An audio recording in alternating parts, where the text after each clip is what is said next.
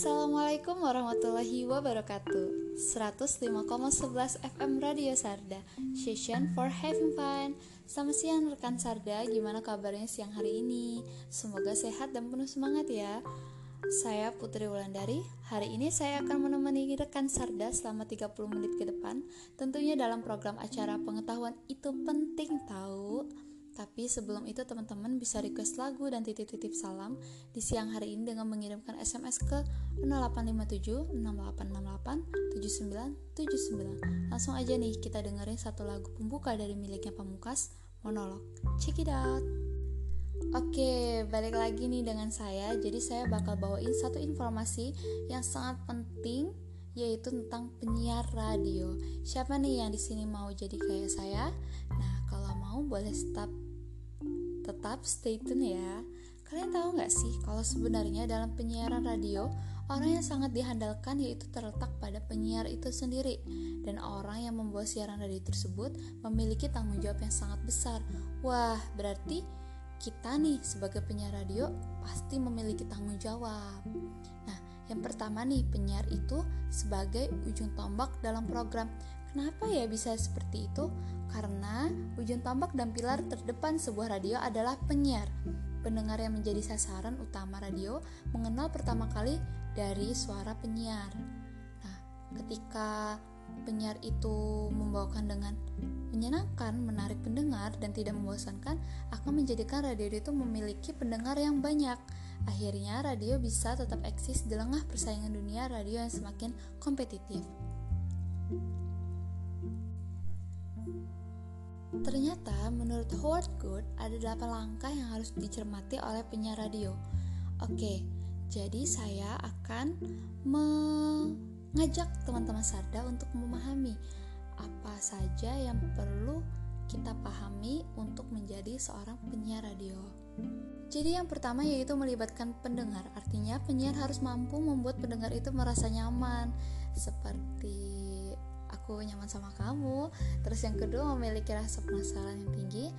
Atau kalau anak muda sekarang bilang dengan bahasa kepo. Nah yang kedua yaitu berbicara dengan atau bukan bersuara. Jadi maksudnya berbicara bukan bersuara ini yaitu penyiar itu harus mampu memposisikan dirinya seolah-olah sedang berbicara dengan pendengar berkomunikasi.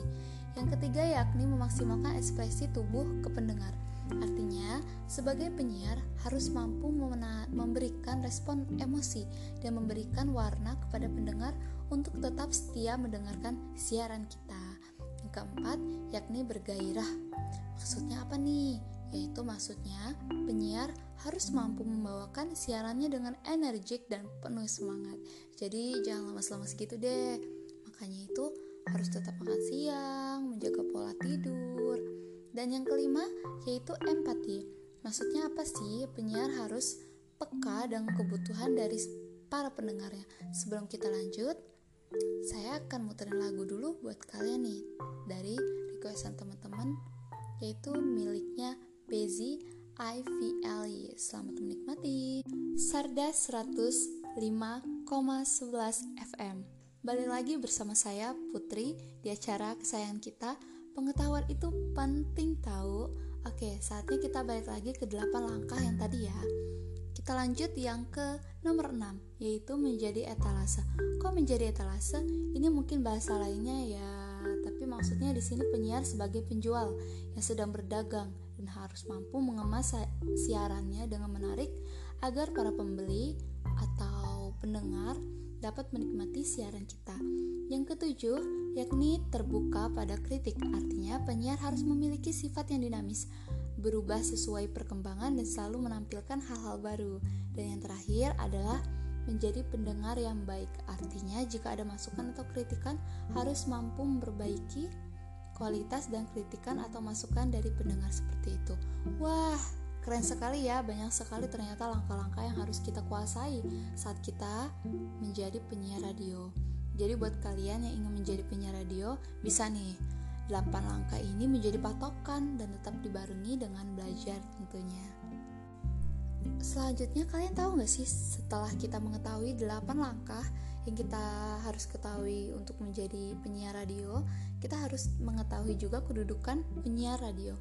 Ada empat yang pertama yaitu ada wakil citra radio yang kedua pemasaran yang ketiga komunikator dan yang terakhir yaitu petugas humas Oke okay guys, jadi setelah kita mengetahui 8 langkah yang harus kita lakukan untuk menjadi seorang penyiar radio dan kita sudah mengetahui kedudukan penyiar radio, ternyata kemampuan penyiar radio itu memiliki tuntutan juga loh guys. Apa aja tuh? Jadi uh, saya akan membawakan tuntutan-tuntutan itu. Nah, ini harus kalian pahami nih. Jadi yang pertama itu adalah keterampilan berbicara di mikrofon. Yang kedua, keterampilan menggunakan alat. Yang ketiga, keterampilan merangkai dan memilih musik. Namun ada lagi banyak lagi tuntutan yang harus dimiliki oleh seorang penyiar radio, yaitu memiliki volume suara yang baik, tidak gugup, penguasaan bahasa yang baik, kepribadian baik, dan yang terakhir pengetahuan yang luas. Wah, keren abis deh buat kalian yang ingin menjadi seorang penyiar radio. Ternyata nggak mudah, nggak semudah itu gitu. Jadi buat kalian yang tertarik atau memiliki cita-cita untuk menjadi seorang penyiar radio, kalian bisa nih uh, informasi yang saya sampaikan hari ini menjadi ilmu gitu. Uh, siapa tahu tuh nanti kalian uh, nasibnya di penyiar radio. Nah, kalian bisa nih menggunakan 8 langkah serta mengetahui kedudukan dan tuntutan-tuntutan apa saja yang harus kalian mm, mampu miliki untuk menjadi seorang penyiar radio. Wah, nggak kerasa ya, sudah 30 menit saya nemenin kalian dalam segmen pengetahuan itu penting. Akhirnya saya harus pamit undur diri, tapi kita akan balik lagi pada jam yang sama dan segmen yang sama. Saya akan membawakan pengetahuan-pengetahuan yang menarik dan juga nggak kalah keren dari hari ini. Karena itu tetap stay tune ya. So, jangan ke mana-mana ya, tetap di 105,11 FM Session for Having Fun. Sebagai lagu penutup, saya akan puterin lagu dari miliknya Pamungkas, Only You. Saya Putri Wulandari, wassalamualaikum warahmatullahi wabarakatuh.